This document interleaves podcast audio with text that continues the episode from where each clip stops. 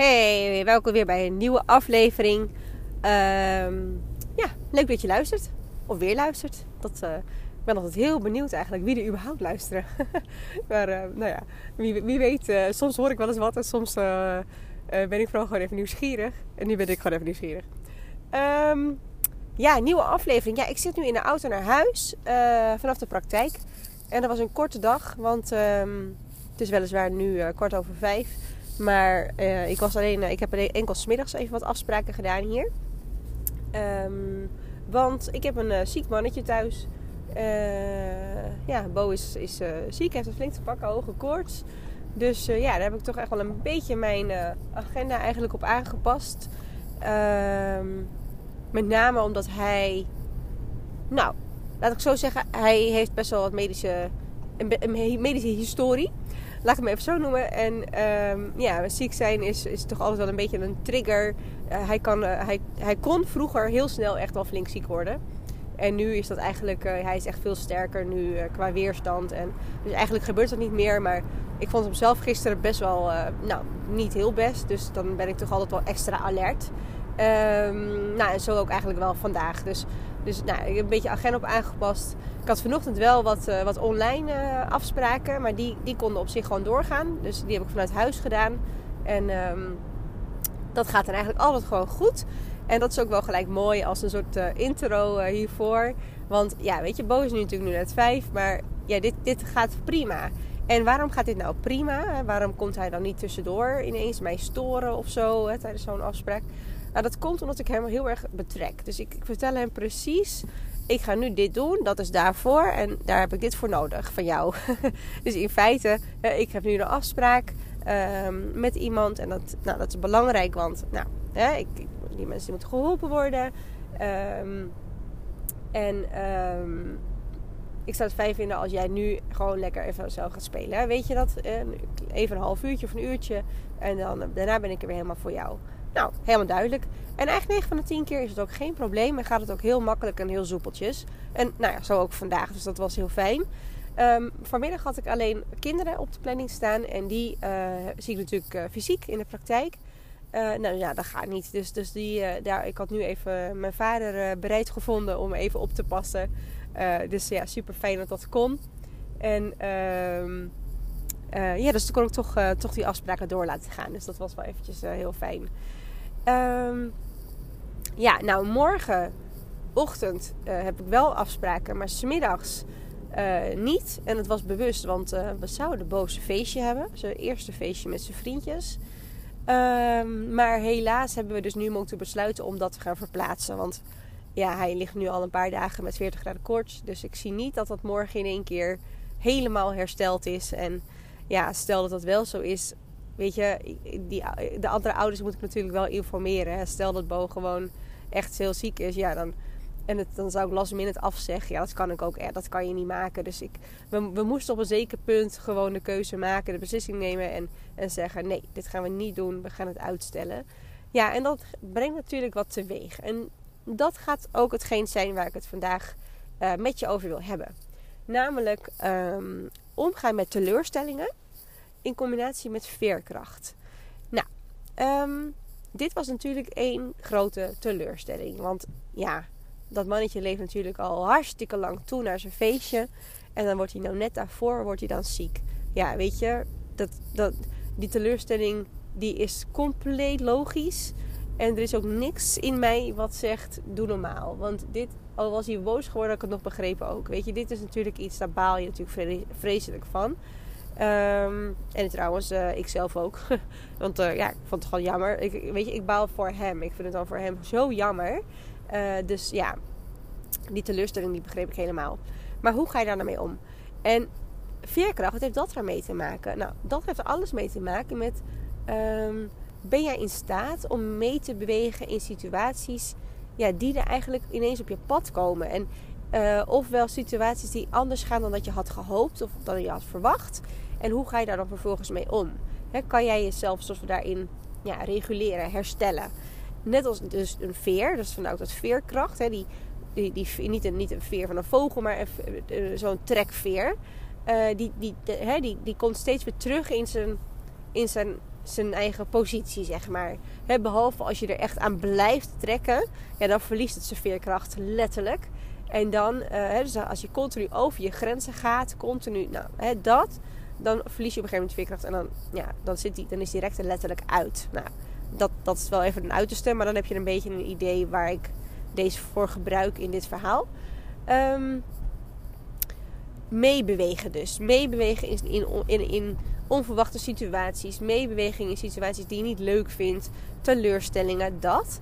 Uh, daarin is die veer natuurlijk heel mooi als een soort van uh, ja, metafoor om te laten zien van in hoeverre deint je mee, beweeg je mee met datgene wat er gebeurt. En als ik naar de Bo kijk, ja, die was natuurlijk hartstikke teleurgesteld. Wat ik snap. Nou, het belangrijkste in zulke situaties in eerste instantie die erkenning geven. Dus, lieverd, ik snap dat je dit echt niet leuk vindt. En ik snap ook dat je teleurgesteld bent. Want dat, dat, ik ook. Dat zijn wij ook. En dat, dat mag ook. Hè. Je mag gewoon nu ook eventjes dit voelen. En boos zijn voor mijn part. Na die erkenning kun je een stuk uitleg bijvoorbeeld gaan geven. Ehm, in dit geval uitleg van ja, maar lieverd, hè, je bent ziek. En ja, we kunnen wel morgen naar Monkey Town gaan. Maar ja, dan zit jij daar de halve dag of de halve middag op de stoel. Omdat je zo moe bent. En ja, dat, we gunnen jou een feestje waarin je gewoon ook echt kan genieten van je eigen feestje. En waarin je gewoon echt kan spelen en lol kan hebben. En ehm, niet op een manier van niet, niet ziek, maar gewoon fit. En gewoon ja, blij en vrolijk. En nou dus die, die uitleg die hebben we gegeven. Vervolgens kom je eigenlijk in het, in het volgende uh, station. en dat is uh, werk, toewerken naar, naar oplossing. Met name oplossingsgericht denken. Dat is eigenlijk hetgene waar je naartoe wil. Dus dit kan niet, maar wat kan er wel? In dit geval, nu kan het niet, wanneer kan het wel? Maar ook, Monkey Town gaat niet, maar wat kan je wel doen morgenmiddag? We kunnen een filmpje gaan kijken samen. We kunnen een spelletje doen. Of we kunnen lekker op de bank hangen en lekker knuffelen. Ik zeg even wat. Ehm, en, en voor wanneer niet en wanneer wel. Monkey Town, we, zijn hem al aan het plannen. Dus het komt goed. Er komt een nieuwe datum. En dan gaan wij met jou en al je vriendjes alsnog daarheen. En dan maken we er een mooi feestje van. Um, dat oplossingsgerichte, daar moet je je kind natuurlijk wel in betrekken. In ons geval, ik zeg even ons, uh, want ik heb uh, uh, samen met, met Boos en papa eh, heb ik dit gesprek gevoerd. Om, ja, hè, dit doen we samen, dus ook dit samen uitleggen van, hè, Bo, dit is de situatie en ja, helaas, hè, dit, dit, dit is het. Um, maar hebben we hem ook gevraagd van nou lieverd, wat zou, je, wat zou je dan morgen willen doen? Wat zou je dan leuk vinden om, om alsnog te gaan doen? Noem het maar. Daarmee activeer ik eigenlijk zijn oplossingsgerichte mindset van ga maar nadenken. wat, ga maar nadenken in, in mogelijkheden, in wat er wel mogelijk is, in wat er wel kan. En dan komt hij vanzelf met, op, met, met opties, met, met dingen die hij wel leuk vindt of fijn vindt. En natuurlijk is die teleurstelling niet gelijk weg. Hoeft ook helemaal niet. Ik bedoel, emoties mogen er zijn, altijd. Ehm, maar de scherpe randjes, die zijn er vanaf. Want hij weet, oké, er komt iets anders. Of er komt iets nieuws. Of er komt, noem het maar, of een alternatief. Of ik ga iets anders doen, noem het maar. En dat geeft heel veel rust.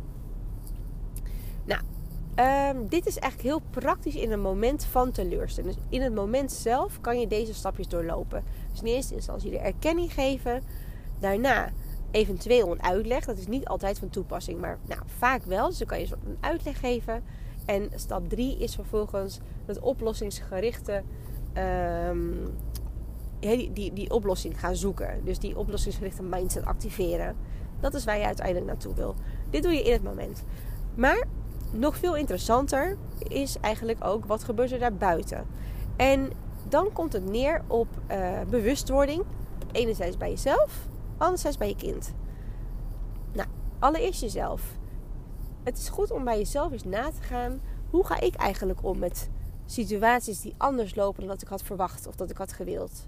Hoe ga ik zelf om met teleurstellingen? Trek ik me terug? Uh, word ik heel stil? Uh, schiet ik juist in de emotie? Word ik bijvoorbeeld heel boos of heel snel? Word ik verdrietig? Hè? Dus wat, wat doe je? Wat voel je? Uh, hoe uit je dat ook vervolgens? En ook, wat ga je doen? ehm, ga, jij, ga je zoeken naar oplossingen. Hè? Dus ga je vanzelf al vanuit je primaire reactie op zoek naar: oké, dit kan niet, maar wat kan wel? Of is dat iets wat, wat langer de tijd nodig heeft? En dat is helemaal niet goed en fout. Goed of fout. Dit is even eerst is echt een stuk bewustwording bij jezelf. Goh, wat doe ik eigenlijk in zo'n situatie? Grote kans dat jouw kind het op dezelfde manier doet als jij. Want dat is nou net het hele verhaal van spiegelen, van het voorleven, van het laten zien. Kinderen pakken het over, onbewust en bewust. Maar in dit geval is het heel, er zit een heel groot stuk op het onbewuste. Um, kind ziet jou iets doen. Die ziet jou op een bepaalde manier reageren. En die denkt, nou, dat is dan blijkbaar de manier zoals het moet. En um, het mooie is dat je dat ook weer positief kan gaan veranderen. Dus, of nou ja, ja veranderen. Ja, nou ja, ja min of meer wel. Um, door er vanaf nu zelf ook heel erg nou ja, bewust dus op te gaan letten. Van hé, hey, oké, dat loopt anders dan dat ik had verwacht. hoe ga ik erop reageren? Dus nou, je, hebt, je bent je nu bewust geworden van hoe je reageert. En nu ga je nadenken, hoe zou ik willen reageren? Nou, ik heb je net verteld dat we toe willen werken naar de oplossing. Naar, of naar een mogelijke oplossing. En het kan ook, de oplossing kan overigens ook zijn, het is zoals het is. Want dat is het soms ook. Dan is het een stuk acceptatie. En dat kan ook een oplossing zijn. Dus dat je accepteert, dit is nu wat het is. Er komt wel een keer iets anders, bijvoorbeeld. Dat kan ook. Maar heel vaak is het wel zo, dit kan niet, wat kan er wel? En dat is echt die oplossing van, hé, hey, um, ja, die, die mindset, die groeimindset, hè? Die, die, dat denken in mogelijkheden in plaats van het denken in problemen. En we, we willen weg uit die problemen, we willen juist toewerken naar die oplossingen en mogelijkheden. En uh, daar mag je dus jezelf ook in gaan trainen en in gaan uitdagen. Wanneer jij dat gaat doen zelf, gaat je kind daar automatisch in volgen. Maar dat mag je ook best een beetje aanzetten. Dus een beetje extra gaan activeren. Door dus die stappen te volgen die ik dus net aan het begin heb benoemd. Erkenning geven, uitleggen en oplossing zoeken. Daarin ga je je kind eigenlijk heel spelende wijs, maar op een hele nou, praktische manier helpen in het, in het uh, laten groeien, het laten veranderen, het laten ja, ja, groeien wel van die, van die groeimindset dus in feite. En daarmee ga je dus, als we teruggaan naar veerkracht, ga je de veerkracht vergroten. De veer kan veel meer aan. Hij, gaat, hij kan makkelijker meebewegen in de situaties die zich aandienen. Ook als het even anders gaat dan dat je had verwacht. Of als je het even niet zo leuk vindt. Of als nou ja, je gewoon complete teleurstelling voelt. Dat mag, mag er allemaal zijn, maar hoe ga je ermee om? Uh, dan qua leeftijd is misschien nog een goede. Want ja, wanneer begin je daar dan mee? Nou, eigenlijk gewoon al heel snel. Al echt, Bo is vijf. En daar zijn we echt al heel vroeg mee begonnen. Dus nou, ja, als ik er een leeftijd aan moet koppelen, ik weet het eerlijk gezegd niet. Want dit is iets wat we natuurlijk, ja, dit doe ik helemaal, ah, dit gaat bij mij automatisch. Um, laat ik zo zeggen, ja, vanaf een jaar of drie ben ik daar denk ik wel bewuster mee bezig geweest met hem.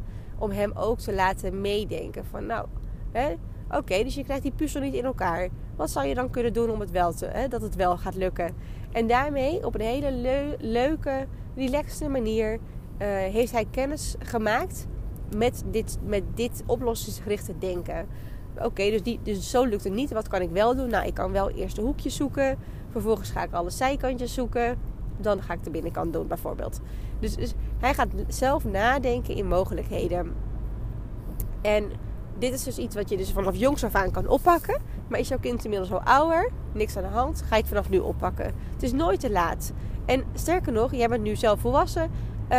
Um, dus ook jij kan hierin veranderingen gaan aanbrengen.